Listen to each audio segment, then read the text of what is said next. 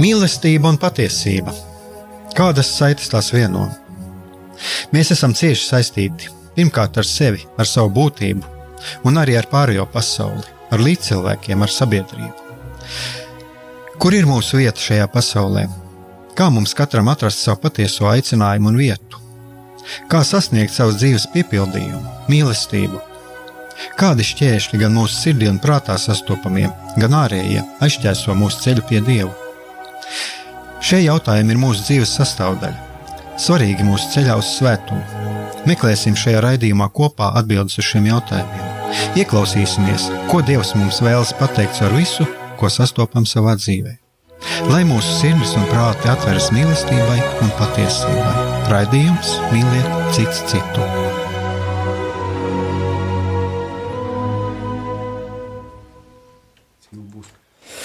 Esiet sveicināti, dārgie radioklausītāji!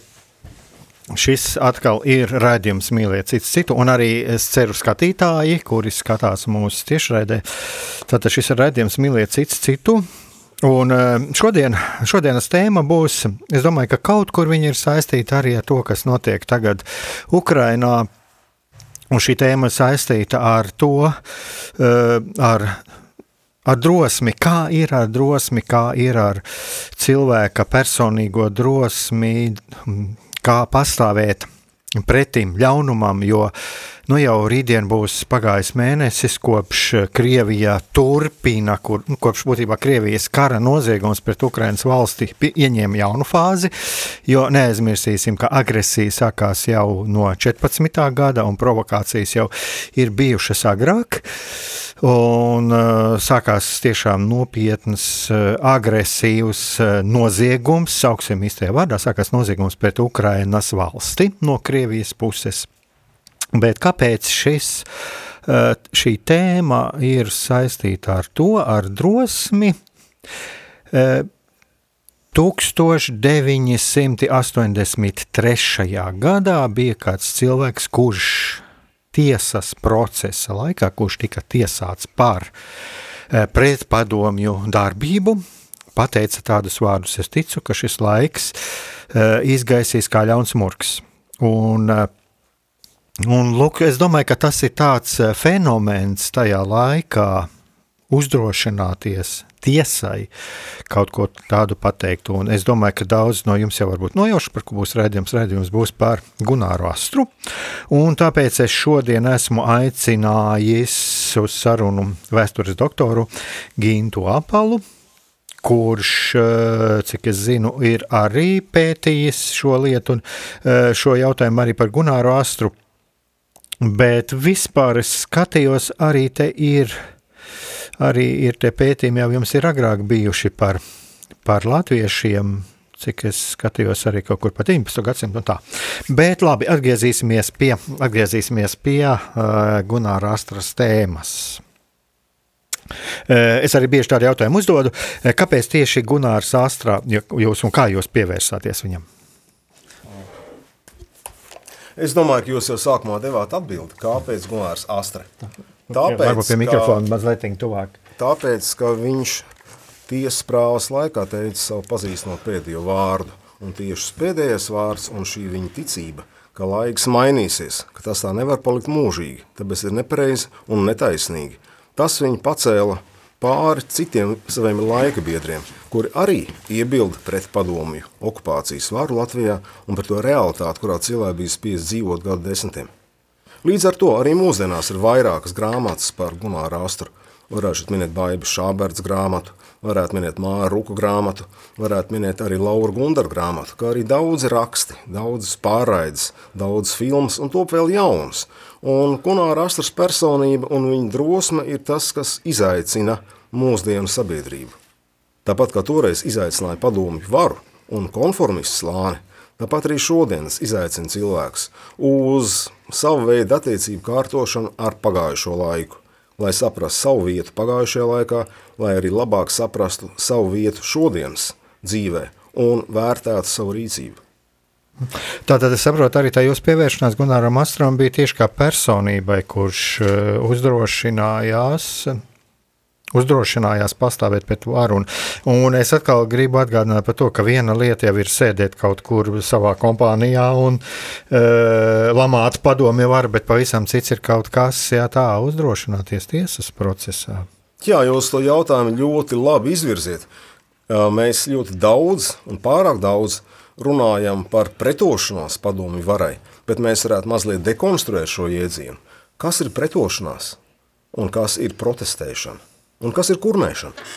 Un kas ir tādā gadījumā sadzīvošana, un kas ir kolaborācija, un kas ir konformisms? Caur Gunāra Astras personību mēs pie šiem iedzieniem varētu nonākt, ja vien mēs visi to vēlētos. Bet jautājums, kas tika izvirzīts par viņu tieši pagājušā gada nogalē, nenāk no manis, protams. Viņš nāk no publicista Arņša Šablovska, viņš nāk kopā ar lielu tieslietu ministrijas atbalstu un kopā ar arī telnieku Glieba Panteļievu devumu stādot pieminekli, kurš dīvainā kārtā nebūtu nebija tik populārs Latvijas tiesneša aprindās, viņš nebija populārs Rīgas pašvaldībā, un tā ir tā mazā cīņa, kuru mēs arī izcīnām mūsdienu sabiedrībā. Vai mums ir jārunā par vērtībām, vai mums jārunā par patiesību un brīvību kā vērtību? Jau tika minēts karš Ukrainā un valsts, jā, kas vienmēr priekšplānā mūsu sarunās, valsts, Latvijas valsts, vienmēr pirmajā vietā – arī šajā karā tiek meklēta tieši valstiskā dimensija. Bet ir blakus tā cita dimensija, kas bija varbūt aktuālāka Gunāram Astram. Tas ir cilvēka personiskā brīvība, cilvēku upurēšanās citu cilvēku dēļ un viņa tieksme bez patiesības. Mhm. Jūs pieminējāt tādu pret, pre, pretestību šim piemineklim. Jā. Ka šis piemineklis tiks tas ir būtībā no, no pašvaldības un Tas ir aprakstīts dīvainā kārtā tādā izdevumā kā žurnāls klubs, kur varbūt rādījuma arī klausītāji mazāk lasa, bet raksts ir labs, jo tur tiek minēts, ka vairāk nekā 30 tieslietu sistēmas darbinieki iebilda pret šādu soli, un vismaz viena dāma šeit arī to motivēja tādā veidā, ka piemineklis Gunāram Astram graus uzticību tiesu varai. Respektīvi, cilvēkam vienmēr ir jāapkļaujas tiesvarai, vienalga kādu politisko režīmu vai varu viņu pārstāvētu. Lūk, šeit jau ir tāda ļoti, patiesībā ļoti interesanta tēma, ko mēs varētu pat veselu raidījumu veltīt. Tātad šeit jau mēs jau pieskaramies nu, tātad, arī Staļina laiks, Staļina laika procesi 30. gadu. Arī tad mēs varam uzskatīt, nu tad uzticamies tiesu varētībai pareizi, vai tā mm. mēs to varam? Starp citu, Staļina laika tiesas procesi bija ļoti labi mm, dramatizēti, uzvesti. Tādā nozīmē, ka nevienam daudz neradās šaubas arī no ārzemju diplomāta un novērotāju aprindām, ka tik tiešām šeit ir bijusi kāda vaina, un visi apsūdzētie atzīst savu vainu un saņem bargu sodu, un ļoti lielas tautas masas pieprasa šiem padomi varas ienaidniekiem un nodevējiem nāves sodu. Un tas nevienu nepārsteidz. Un tieši šis pūļu efekts, viņš vislielākā mērā bija problemātisks. Tajā brīdī, kad cilvēks sāk pakļauties tam, ko saka politiskā vara un tiesu vara, kritiski nedomājot, tajā brīdī ir problēma. Un tā problēma var sasniegt ļoti lielu mērogu. Bet atļaujiet piebilst vienu lietu, kas nesalīdzinātu Gunāru Astru ar šiem 30. gadu tā saucamā lielā terora laika procesiem Padomju Savienībā, jo tur tika tiesāti tie paši komunistu elites pārstāvji. Tā bija iekšēja izreikināšanās ar saviem politiskajiem konkurentiem un oponentiem, nolūkā vēl vairāk konsolidēt totalitāro sabiedrību un režīmu. Gunāra Astras gadījumā tas nav tā. Viņš stāvēja ārpusē vienmēr. Jā, nē, mans jautājums mazliet bija cits. Teiksim, tās, uz ko es gribēju uzlikt akcentu. Ja es jūs pareizi sapratu, jūs sakat, tā tad Gun Gunāram Astram šeit šis piemineklis, Gunārs Astra tika notiesāts, jā, un ja šeit ir šis piemineklis, tas ir tā kā tāds simbols, kā tādai netaisnīgai varai, netaisnīgai tiesai, un lūk, ka tas kaut kādā veidā eh, tiesu var diskreditēt. Tas man apmēram tā lika domāt, jā, šo šis. Jā, es ceru, man tas netiks pārmests, esmu dzirdējis no tieslietu ministru vienu ļoti pareizu domu, ka šis piemineklis ir vajadzīgs tieši tāpēc, lai tiesneši, ejot uz darbu, padomātu par to, ko viņi grasās darīt. Ka viņi meklēs taisnību, viņi spriedīs taisnu tiesu. Mhm. Jā, kāpēc tas tā ir? Jo nu, šķiet, man, es, es uzreiz tā pateikšu, varbūt tādu skarbu vērtējumu, ja šī sieviete, jā, bija kas teica, ka šis piemineklis tur nederētu tā iemesla dēļ, jā, kad, kad patiesībā, nu, es nezinu, tas ir tāds morāli apšaubāms viedoklis, tāds, nu, morāli apšaubāms. Kāpēc? Kāpēc es pieminēju arī šo Staļina laika procesu? Nu, tad mēs varam vispār pateikt, ka jebkura valsts vāra, nu, ir tāds kristības kristiešiem, dažiem kristiešiem. Es ceru, ka tas ir mazākumā, ja, bet uh, ir tāds viedoklis, visas varas nāk no dieva, un tāpēc mēs uh, tā kā uh, kaujam jēriņi, pakļaujamies un protestēt, ja, lūksimies, un Dievs mūs glābs. Ja. Tā nebūtu nav orēt labore, lūdzies un strādā. Uh, un, bet, Tas, tas tāds, šis, šī, kāpēc es tam tā pievērsu uzmanību, ka tas varbūt kaut kādā ziņā rāda arī norāda uz to, ka tomēr, diemžēl, šajā sabiedrībā nav noticis šis attīrīšanās process no pagātnes, no šīs okupācijas pagātnes. Ja? Jo nu, man tas šķiet ļoti, nu, ļoti dīvaini manā izpratnē, kad nu, tiesa var, nu, pagaidiet, nu, uh, Hitleram arī bija tautas tiesa galu galā. Nu, tad mēs arī varam pateikt, jā, nu, lūk, šī bija pareizi, jo tā bija oficiālā vara, kas tā nebūtu nav. Uh, jā, no tie kriteriji jūs pareizi pieminējāt arī teiksim, nacistu režīmu, un jūs pareizi pieminējāt jautājumu par tiesnesi Rolandu Fresleru, kurš to tieši tādā veidā postulēja arī juridiski, ka taisnīgi ir tas, kas nāk par labu vācu tautai. Un līdzīgā veidā arī padomju tiesneši postulēja to, ka taisnīgi ir tas, kas nāk par labu padomju režīmam. Uh mhm. -huh. Jā, nu tā mēs varam pielīdzināt kaut kur, jā, ka šī domāšana varētu pat teikt tāda freisleriska ir bijusi arī tur. Nu, jā, skarbis, skarbis, kā, kā, skarbis, kā. kā padomu justīcijas sistēma, kuru vadīja arī Pēters Stučka, radās vēl krietni pirms tiesneša Freslera un nacistu Vācijas. Mm -hmm. Jā, Labi, tas ir tā, mēs tagad ļoti daudz pievērsāmies šai tēmai, bet nu, kāpēc es tam tā, tā tik daudz pievērsos arī to, ka kad uh, ir uh, šis. Uh, tagad paņemsim varbūt nelielu muzikālo pauzīti un tad turpināsim.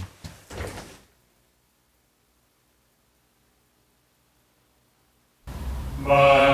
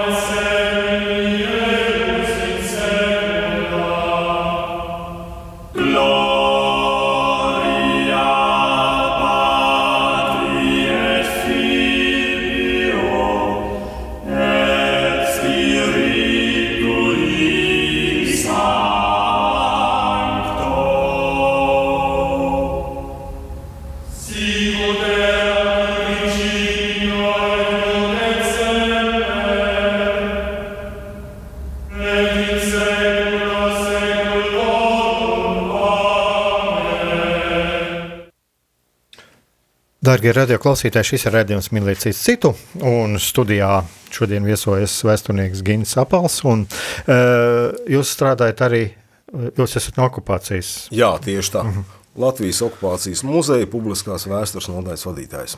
Mm -hmm. Jā, un pirms muzikālās pauzes mēs runājām par, par par tiesu, par to, ka ir cilvēki, kuri pasaka, ja, kur iebil, iebilst tādu iemeslu dēļ, ka lūk, šis piemineklis stāv, ka tas ir diskreditē tiesu varu.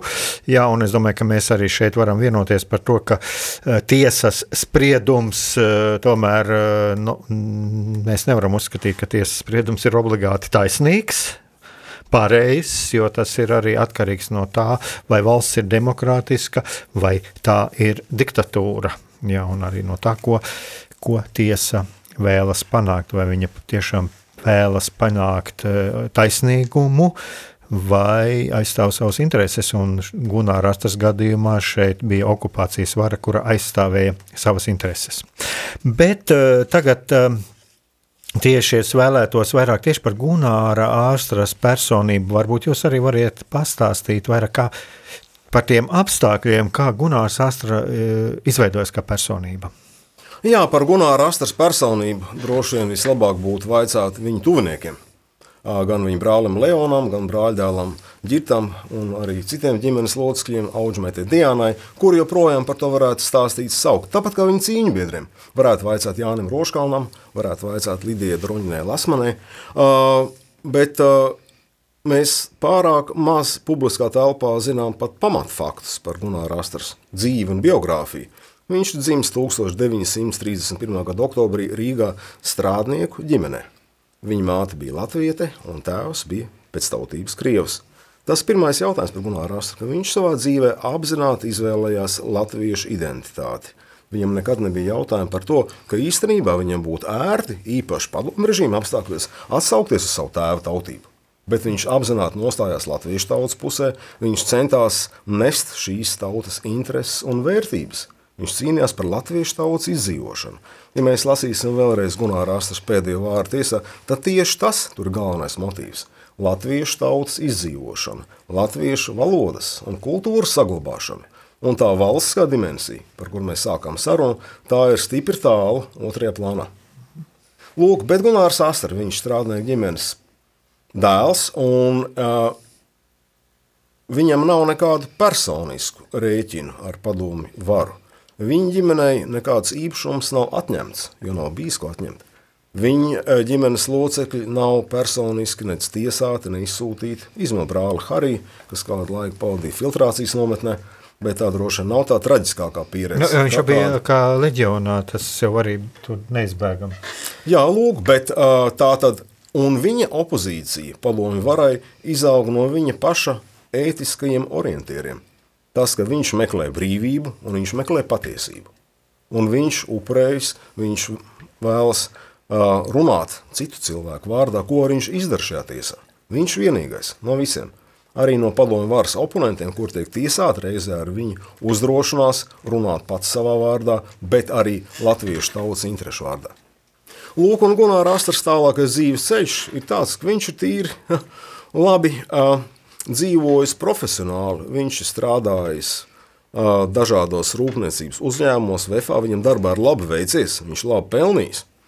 Un viņš ir varējis ieņemt krietni augstu amats, bet viņš ir izvēlējies citu ceļu, arī vēloties pilnveidoties garīgi, arī vēloties mācīties valodas, uzzināt vairāk par pasauli, Viņš pilnīgi apzināti aizgājis no šīs ražošanas sfēras, lai varētu augt kā personība, lai materiālā pasaule viņu neievilktu, tajā skaitā kompromisos ar šo te realitāti, uz kuru viņš raugās ļoti kritiski.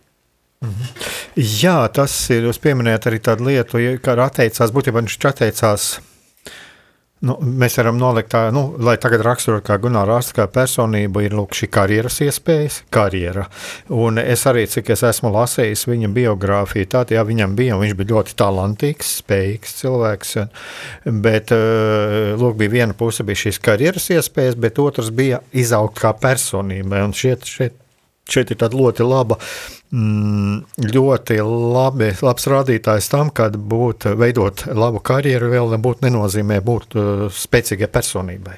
Jā, tas ir jautājums, kur jūs minat arī par šo kolaborāciju, kur citi kolēģi vēsturnieki, īpaši ļoti cienījamā Daina Blēra pēdējā laikā cenšas risināt. Par to, vai kolaborācija ir attaisnojama no materiālās dzīves viedokļa. Vai materiālās izdzīvošanas, jeb materiālās labklājības mērķis attaisno kolaborāciju.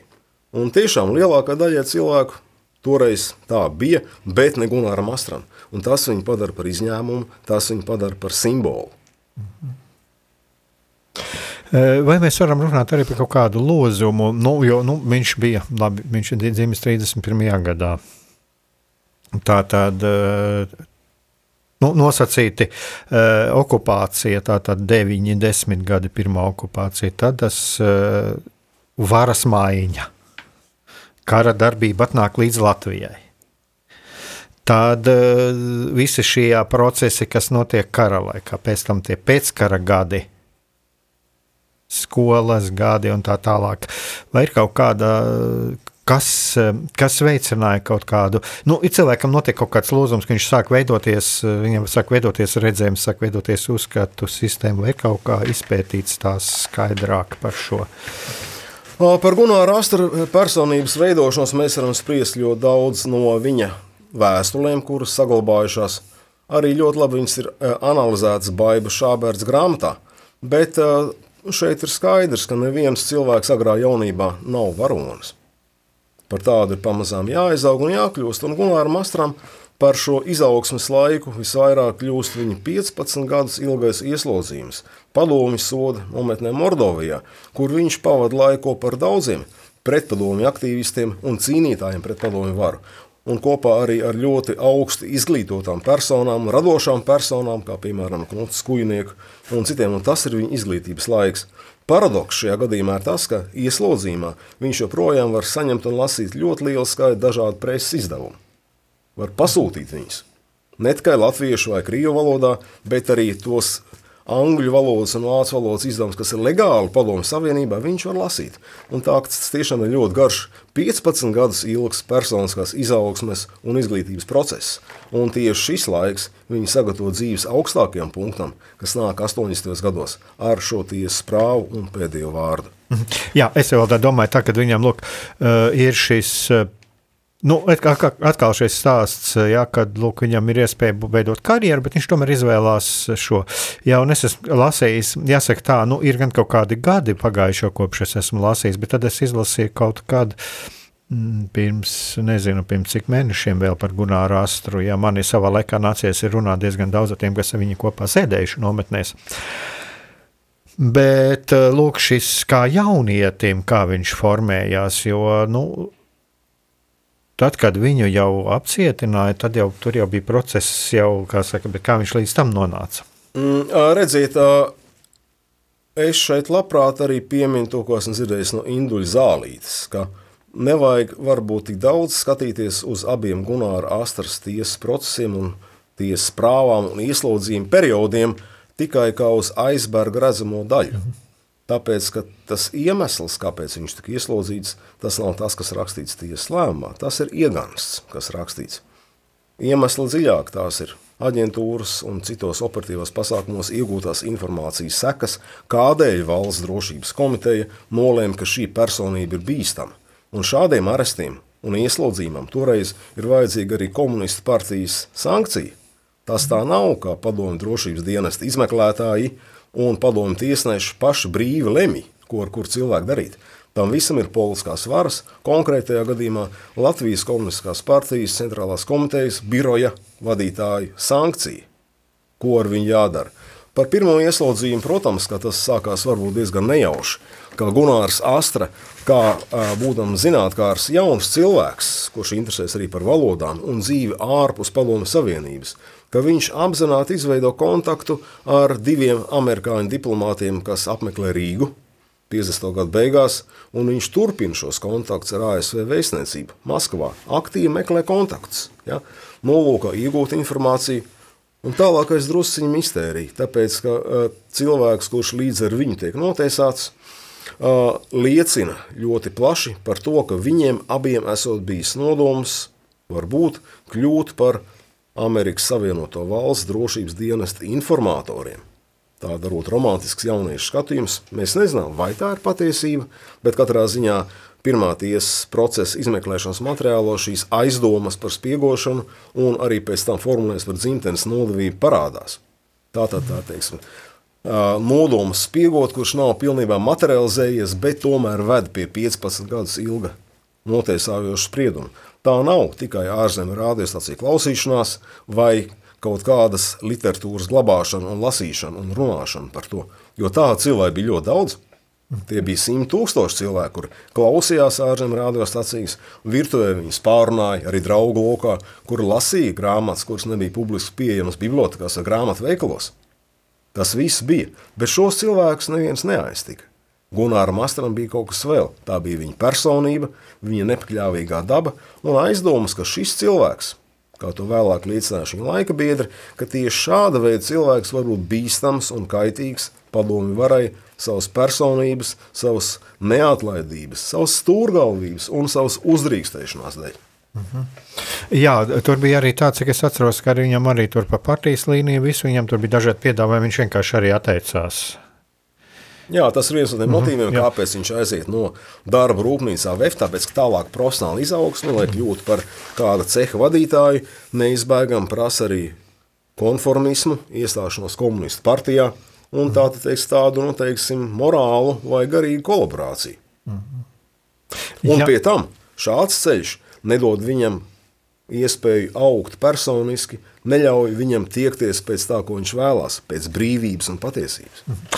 Jā, tāpēc, kāpēc es, kāpēc es tieši par šo, tā, tieši par šo partijas līniju, par to atteikšanos, jo man šķiet, ka šeit, ir, šeit parādās tas, ka uh, ir labi cilvēks klausās tos radio, es manas bērnības atmiņas arī tāds viens no tādām agrākiem, ka vectēvs tur klausījās, jā, bet uh, ir cita lieta, ka cilvēks ir jau ar savu rīcību, jau ir par, pirmkārt cilvēks ir neatkarīgs, viņam interesē interesē valodas, viņam interesē, kas notiek citur pasaulē, ja pats par sevi jau ir nu, aizdomīgi, un plus vēl viņš atsakās no karjeras. Nu, nu, kā, kā lai tādu Ja, nu tā, es domāju, ka šī, šī, šī reakcija bija tāda no partijas, partijas iestāžu puses. Nu, bet Gunārs Astē, protams, viņš ne tikai viņš izveido, izmanto iespēju izveidot kontaktu ar amerikāņu diplomātiem, bet viņš pēc savas iniciatīvas viņa aktīvi turpina.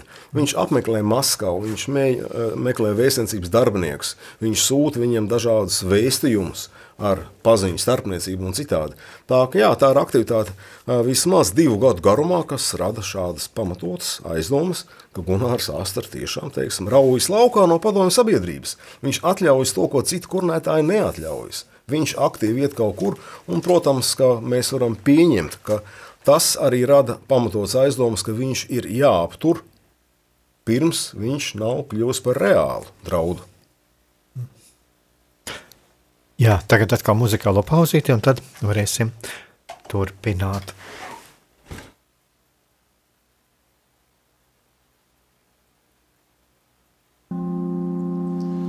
O profondità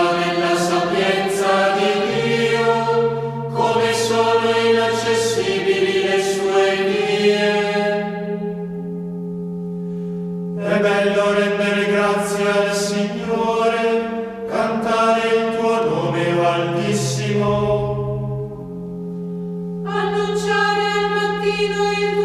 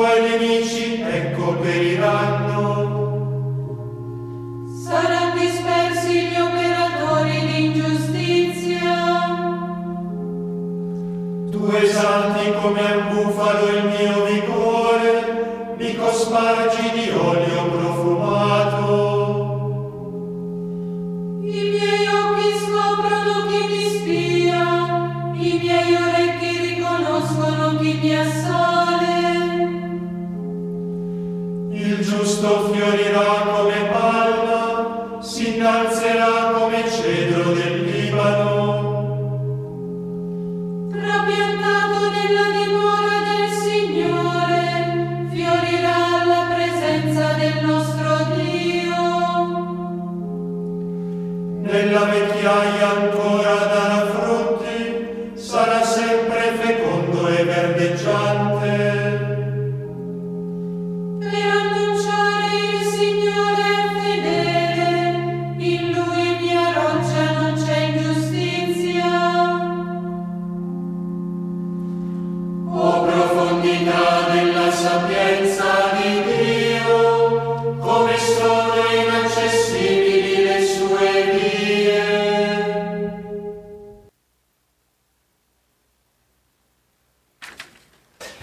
Darbie radioklausītāji, turpinām sarunu ar vēsturnieku Gintu Apalu par, mm, par Gunāru Astru.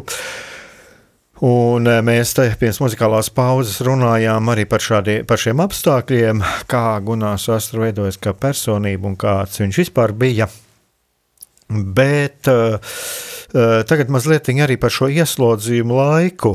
Nu, es esmu arī tiem cilvēkiem, ar ko man ir nācies runāt, un man ir 90. gadu sākumā iznācis diezgan daudz runāt par tiem cilvēkiem, kas ir piedzīvojuši pa, uh, padomju represijas, un, un kas ir bijuši nometnēs, un kas ir bijuši arī kopā ar Gunāru Astru. Tad Gunārs Astra ir, nu, tas, tas ir tagad, ko es atceros, jā, un ko es esmu arī lasījis. Tad Gunārs Astra bija arī viens no tādiem kā mm, līderiem, kā garīgajiem, ne, garīgiem, garīgiem intelektuāliem lī- līderiem eh, šai, eh, šiem ieslodzītajiem. Nu, ā, redziet, cilvēka atmiņas pretrunīgas. Un, protams, arī tie cilvēki, kas stāsta savas atmiņas, droši vien katrs raugās no savas pieredzes, reizēm pat no sava vēlmi viedokļa. Viens veids, kā mēs varam analizēt Gunāru Astru, tas, kā viņš ir mm, jautājums par, par šo nacionālismu. Ja? Cik lielā mērā viņš ir latviešu atbrīvošanās kustības pārstāvs, latviešu nacionālists, un cik lielā mērā viņš sadarbojas ar visu citu tautību, padomju, politiski ieslodzītajiem. Vienalga, vai tie būtu ukrāņi, vai tie būtu krievi, vai tie būtu ebreji. Un tur šī dalījuma līnija ir jautājumā pa- par vārdu disidents lietošanu, ko vēlāk Astra pats ir noliedzis, uzsverot, ka, ne, ka viņš nekādā gadījumā nav disidents, viņš ir tātad at- latviešu nacionālās atbrīvošanās vai pretošanās kustības pārstāvs. -hmm. Un to vārdu disidents atstāja tātad lūk priekš Krievu vai varbūt ebreju tautības cilvēkiem, kas kritizē padomu režīmu vēlās viņu pārveidot, uzlabot, meklēt cilvēku tiesības, bet viņi nemeklē varbūt nacionālu brīvību. Ja? -hmm. Šajā gadījumā latviešu tautas nacionālo interesu izcīnīšanu un saglabāšanu. No tāda viedokļa. Un šīs dalījuma līnijas daudz, vai Gunārs Astrs savos pi- pirmajos 15 ieslodzījuma gados ir tiešām tāds pats redzamākais politiski ieslodzītais šajā Mordovijas nometnē, nu, tad es varētu apšaubīt droši vien, ka jā, bija citi cilvēki, kur bija labāk izglītoti par viņu, kas bija varbūt arī, teiksim, talantīgāki literāti, kā jau minētais. Piemēram, Knuts Skujnieks, tur bija ievērojami cilvēki, nacionālā partizāņi, kas pavadīja daudz ieslodzījumu gadus par aktīvu bruņotu cīņu pret padomu varu. Tur bija, piemēram, majors Laumans, kas bija ļoti ievērojams cilvēks un arī fronts virsnieks. Jā, šķiet, Tā tā. ka šajā salikumā mm -hmm. tur ir tik daudz cilvēku, un tik daudz dimensijas kopā. Un tur ir tāds, ka kurš daudz- līderis, mm -hmm. kurā sabiedrībā. Mhm. Ir ļoti grūti. Te tā ļoti interesanti, ja, jo šeit, šeit arī kaut kas tāds subjektīvs. Es esmu tur, es, es, es biju, jā, es redzēju, un nu, savā ziņā, tad, kad cilvēks ir kaut kāda autoritāte, autoritāte ir otram cilvēkam, tad šis otrs cilvēks arī viņu uztver kā tādu līderi. Jā. Bet nu, arī pa Laumanu man ienāca prātā, kaut kur bija parādījies, ka arī viens no viņas skolotājiem bijis šis pats Laumanis. Jā, kurš ļoti iecienīts arī mm. vēlāko pretošanās kustības cīnītāju aprindās. Bet tā ir cita paudze. Svarīgais šeit, manuprāt, ir tas, ka Gunārs Astra kļūst par simbolu, par izcilāko līderi tieši 1983. gadā. Pirms tam, pirmajā ieslodzījumā, vēl 70. gadu nogalē, nu, mēs nevarētu teikt, ka viņš ir tā redzamākā un izcilākā figūra. Mm. Arī, kā mēs zinām, Gunārs Astra, piemēram, nav parakstījis tā saucamo Baltiešu memorandu Viņš ir tulkojis viņu, bet parakstījis viņš viņu nav. Un visiem cilvēkiem, kur izgājuši šo garo un grūto ieslodzījumu laiku, protams, ir tas jautājums, kur jūs minējāt par uh, iepriekšējā sarunā par vienu citu politisku ieslodzīto. Nu, vai cilvēks grib vēlreiz atgriezties cietumā? Mm -hmm. ja? Un tās ļoti grūtas personas izvēles, bet Gunārs Astrid piedalās šajā kustībā. Viņš ir šajās aprindās, viņš ir šajā apritē, bet iznāk priekšplānā un paliek vēsturē tieši ar savu pēdējo vārdu. Mm -hmm. Tad mēs varam tādu novilkt tādu līniju, teiksim, viņš eh, pirms, eh, pirms 83. gada viņš ir eh, tā vairāk vai mazāk viens no daudzajiem. Nu, ne, nu, arī no daudziem mēs nevaram tā teikt, jo nu, gluži tik daudz šo cilvēku nebija. Salīdzinoši proporcionāli uz visu sabiedrību. 70. gadu beigās mēs esam runājuši par dažiem desmitiem labākajā gadījumā. Mm -hmm. Jā, bet uh, tieši šis pēdējais vārds, nu, nu, tāpēc arī man šis pēdējais vārds, es sākumā viņu arī pieminēju, jā, jo nu, šķiet, ka tas ir tas pagrieziena punkts vispār. Mm, viņš arī, diemžēl, nav gluži pagrieziena punkts. Vai, uh, nu, tas ir tā, kā mēs varam vērtēt. Uh, Pagrieziena punkts, tāds e, pagrieziena punkts var būt mūsu apziņā, kaut kas tāds, nu, kas e, nav bijis līdz šim. Ziniet, 83. gada rudenī, decembrī, es mācījos 200 metrus no Latvijas augstākās tiesas nama toreiz. Un man jāsaka, cilvēki par to īpaši nezināja un nerunāja, ka notiek šāda tiesas prāva un ka tur ir teikts šāds pēdējais vārds. Pēdējā vārda teksts vēlāk ļoti ātri nonāca ar viņa advokāta Kārļa Beljāņa eh, starpniecību pie dzīvesbiedras Līvijas Astras. Viņš tika nosūtīts uz ārzemēm, un tad viņš jā, tiešām tika lasīts visvairāk rādio brīvā Eiropa pārraidēs, kurus arī ļoti aktīvi traucēja padomju radiotehniskās cīņas metodas. Un tas cilvēkiem nebija tobrīd tik labi dzirdamas un zināmas. Praktiski pēdējais vārds uh, kļuva sabiedriski nozīmīgs tad, kad viņi publicēja iespējams tā formā laikraksts atmoda. Manuprāt, bija 1989. gads, jo tobrīd cilvēks sāk skatīties, jā, ka ir bijis kaut kas, ir bijis kā cīnītājs vēl nesen pirms mums. Ja? Un tie lūzuma punkti, lūk, ir šie lūzuma punkti. Drusiņi šeit ir retrospekcijas elements iekšā. Tas vienmēr ir dabiski, ka cilvēki cenšas pārnest savas šodienas vēlmes un savas priekšstats uz pagātni bet 83. gadā atļaujot iebilst. Tam nebija tādas rezonances Latvijas sabiedrībā. Nu, sap... Tam bija rezonance trimdas sabiedrībā. Mm -hmm. Jā, trimdas laikraksti, trimdas organizācijas, atbalsta akcijas, protesta akcijas. Jā. Bet, kad mēs runājam par Latvijas norisēm, protams, tas, ko mēs saucam par trešās atmodas kustību, kas sākās no 1987. gada, vēl pirms tam no grupas Helsinki 86, no protesta akcijām pie brīvības pieminekļa, no gājieniem uz brāļu kapiem un pārējo lūk šajā kontekstā. Tikai tad ar maz novēlošanos Gunāra Astras pēdējais vārds iegūst šo nozīmi.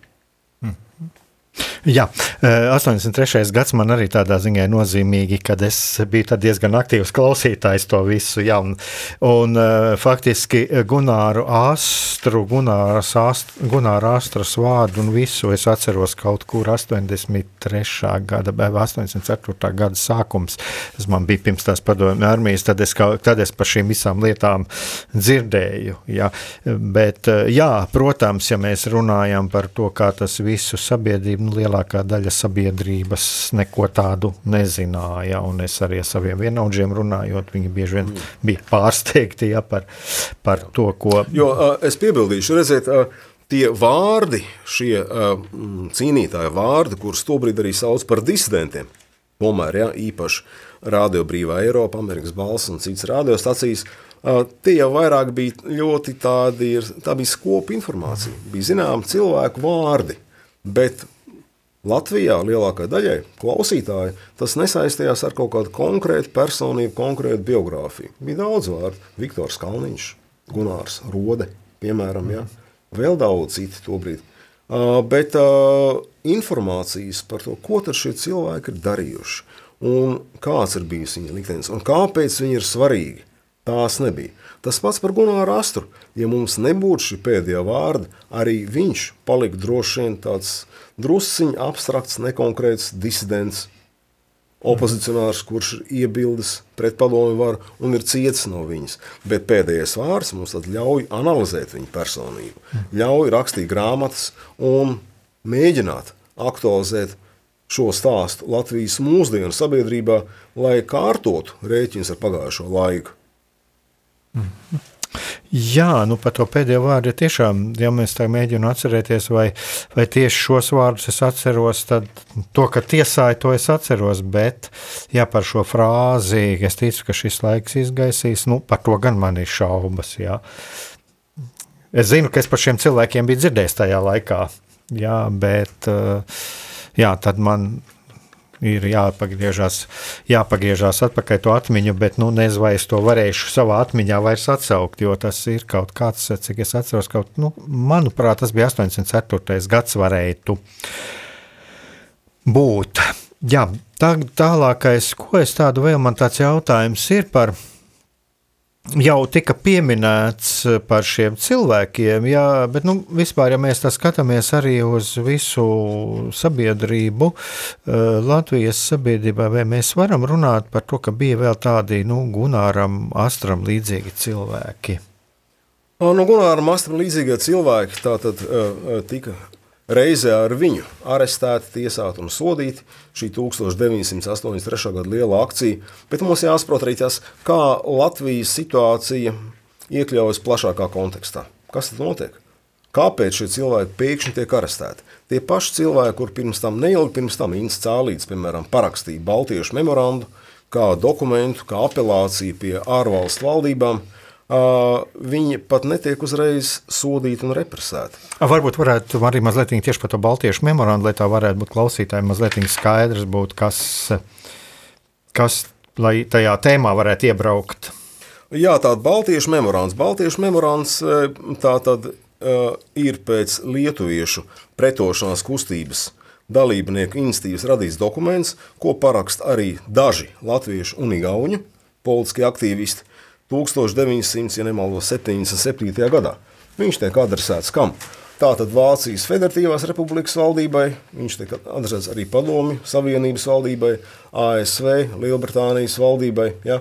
Un tur minēts visu Atlantijas hartu parakstīt šo valstu valdībām. Tā ir tā tāda apelācija pie rietumu pasaules. Ja? Un paralēli arī pie Padomju Savienības un Vācijas Federatīvās Republikas un Vācijas Demokrātiskās Republikas, kā nacistu Vācijas un uh, Padomju Savienības ja, turpinātājiem. Ja? Tas šis veids, bet šis dokuments kā tāds, uh, viņš netiek pat klasificēts kā pretpadomju dokuments, un viņa autoru vajāšanas nesākās uzreiz. Tur blakus otra lieta, ja, ka tiek plānots dibināt šo Baltijas valstu Nacionālās pretošanās kustības galveno komiteju un paziņot par to Maskavā, bet šo nodomu izjauc arī valsts drošības komiteja. Tā, ka, tā tad arī šeit tā nav liela prāva. Prāva sākās no kā? No tā, ka druskuļi mainās režīms Maskavā. Tā tad pie varas nāk kā uh, valsts vadītājs, ilgadējais drošības komitejas priekšnieks Jurijs Andropovs, kurš sāk šo sabiedrības disciplinēšanas kampaņu kurš sāk cīņu ar iekšējiem ienaidniekiem, bet arī ar darbu disciplīnas grāvēju, cīņu ar alkoholu un vispārējo. Tas viss tobrīd jau sākās pirmajās stadijās. Un tam nāk klāt arī starptautiskā dimensija. Ļoti maz cilvēku zina, ka patiesībā 1983. gada novembris ir brīdis, kad pasaule vēlreiz stāv uz jauna, trešā pasaules kara, uz kodolkara sliekšņa. Bet es atceros 83. gadu, atkal, kad bija tie cilvēki, bija ļoti nobijušies vispār, kā Andropovs nāca pie varas. Es tādu, nu, man cik man bija gadu, kad 18, tad palika, ja, eh, bija tā vecākā paudze, vispār bija ļoti nobijušies. Daži, es tā, nu, cik es atceros, eh, ja, kad eh, tādas bailes atmosfēra mazliet. Nē, nu redziet, tiešām šāda veida represija vilnis viņš izgāja cauri uh, visai Padomju Savienībai un skāra okupēto Latviju tikai beigu fāzē. Patiesībā, jo Latvijā šī pretošanās kustība nebija tik izteikta un tik aktīva kā, piemēram, kustība Ukrajinā. Ja, Ukrainā bija lielākā Helsinku grupa. Ja, Es jau vienkārši domāju, tas tāds mans 1978. gada. subjektīvais, jā, man tāds subjektīvais redzējums, jo tie cilvēki, kas man bija apkārt, jā. Jā, bet, bet tas represīvs vilnis pamazām viņš nāca, un dabiski tur ir kaut kāda saikne starp šo vēlīno Brežņeva stagnācijas periodu, kad tiešām tādas liela mēroga represijas nenotiek. Man pašam Gunāram Mastram vēl 1979. gadā. Labi zinot par viņu noskaņojumu darbību, drošības komiteja vienkārši liek parakstīt brīdinājumu, ka viņš tiek brīdināts, ka ja viņš turpinās savas pretdomu aktivitātes, kas ir pretvalstiskas, kas no viņa viedokļa, ka tādā gadījumā pret viņu var tikt vērstas represijas. Bet tas tikai brīdinājums. Kamēr 83. gadā tas ir jau uh, kratīšana, ir pratināšana, un kam seko arests un septiņi gadi stingrā režīma labošanas darba kolonijā, kas ļoti smagi, kā recidīvistam. Ja? Tā, protams, tās ir politisku uzsvaru maiņas, kas notiek Brežņā vēlīnijā periodā un kas notiek līdz ar Andropovu nākšanu pie varas. Bet nevajag varbūt to redzēt visu personību jautājumu. Mēs varam arī pavērot, kas notiek starptautiski. Ja? Tā tad lūk, 79. gada decembris, Padomju Savienības iebrukums Afganistānā. Ja? Atkal sākās jauns lielmēroga konflikts. Tad tam seko arī attiecīgi Amerikas Savienoto Valstu un Rietumu valstu sankcijas pret to visu. Ja? Olimpisko spēļu boikots kā sankcija, kas ir interesanti arī šodienas kontekstā, arī ekonomiskās sankcijas kaut kādā mērogā, politiskās sankcijas. Un tad arī notiek tālāka eskalācija. Tās, ka arī Amerikā nāk pie varas prezidents Ronalds Reigans, kurš nāk ar ļoti asu antikomunistisku retoriku. Šie, teiksim, publiskie paziņojumi par ļaunumu impēriju, Padomju Savienībā un daudz ko citu. Vismaz pēc tādas starptautiskā vēsturnieku pētījumiem, tas rada lielu nervozitāti un pat paranoju Padomju Savienības līderu vidū.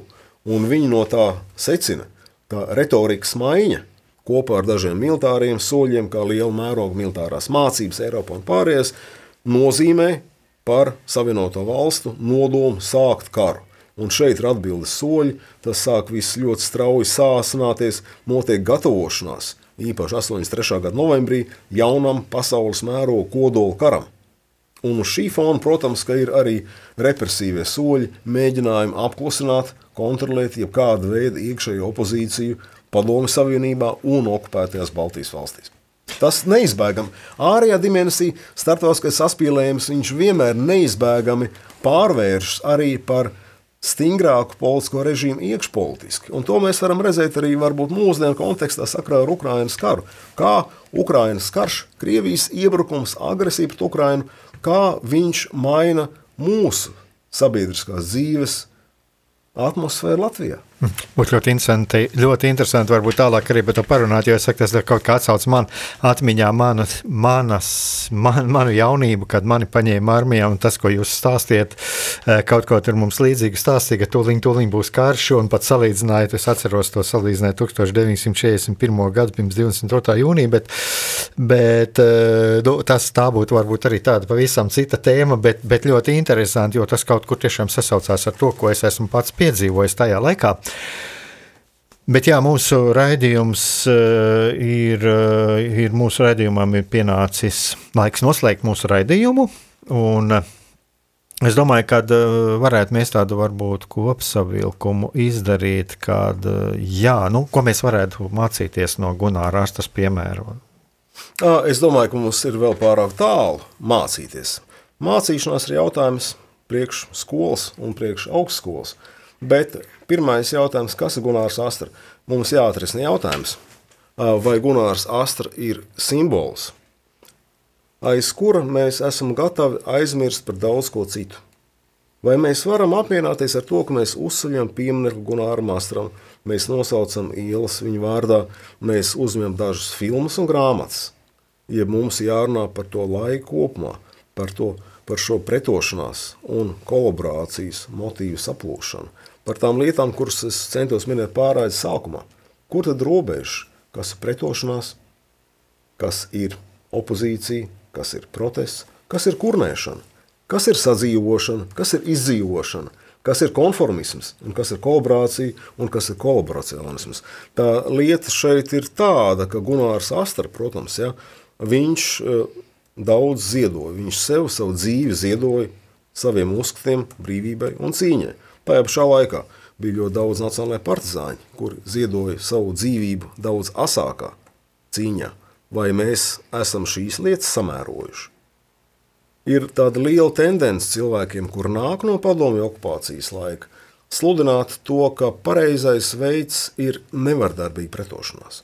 Un piedēvēt Gunāram Astram to, ka viņš ir nevardarbīgās pretošanās simbols. Bet līdz ar to pašu noniecināt aktīvo bruņoto pretošanos, vienalga, vai mēs runājam par Nacionālo partizāņu karu, ja, piemēram, leģionu cīņu frontē.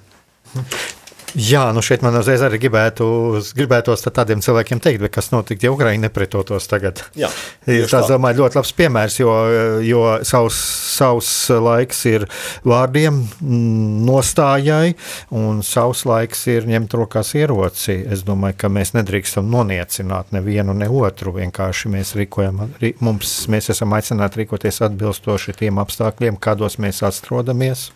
Jā, bet šeit arī tās lietas, kas nav atrisināmas. Mums ir piemēram par Gunāru Astru, viņa cīņu biedra Jāņa Roškāna liecības, ka Gunārs Astra kopā ar Latvijas neatkarības kustību bija gatavi arī uz asāku cīņu, kas vairs nebija nevardarbīga. Ja?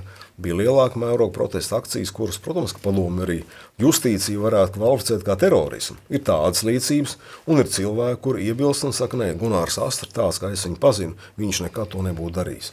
Un mēs nevaram atrisināt tās lietas, kuras nav dokumentētas. Tā ir viena no vēstures problēmām. Ja vēsturnieks drīkst runāt tikai par to, kas ir dokumentēts arhīvā un pārbaudāms, ja nav vietas versijām, un nav vietas arī laika biedru informācijas kritiskai izvērtēšanai, tad mēs līdz tai patiesībai ļoti bieži nonākt nevaram. Manuprāt, personiski Gunārs Astra bija tāda veida personība, kuru nevar pieskaitīt pie pacifistiem vai arī pie nevardarbīgās cīņas adeptiem. Tad arī pie tā paliksim, jo es saku, mums arī šobrīd ļoti labs piemērs ir arī Ukraina. Un, eh, no kā mēs tiešām varam mācīties. Un, un, eh, jā, domāju, lai, lai mēs apzinātos, apzināsimies to, ka mums ir patiesībā mūsu tautā ir arī uz ko atskatīties, un ir šie piemēri, un tie ir gan Gunārs Astra, gan arī Nacionālajie partizāni, visi tie, tie kas cīnījās, eh, patiesi cīnījās par mūsu tautas, par mūsu zemes brīvību. Un, eh, ļoti kaut kā man sajūta, ka mums vēl palika, palika tēmas, par ko mēs var, vēl varētu parunāt kaut kā par šo pašu kolaborāciju un cīnīšanos. Un es ceru, jūs kādreiz arī ieraudzīt šeit, un, un varbūt mēs varētu arī par šīm tēmām parunāt.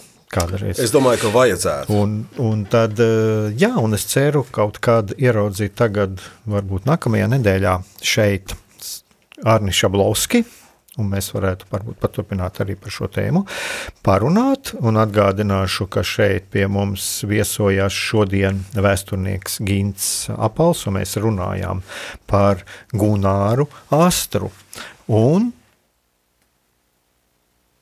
Slavu Ukrainai! un varoņiem slava.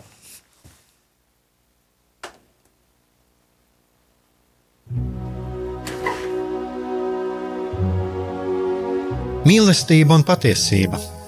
Kādas saites tās vieno? Mēs esam cieši saistīti pirmkārt ar sevi, ar savu būtību, un arī ar pārējo pasauli, ar līdzcilvēkiem, ar sabiedrību. Kur ir mūsu vieta šajā pasaulē? Kā mums katram atrast savu patieso aicinājumu un vietu? Kā sasniegt savas dzīves piepildījumu, mīlestību? Kādi šķēršļi gan mūsu sirdī un prātā sastopamie, gan ārējie aizķēso mūsu ceļu pie Dieva?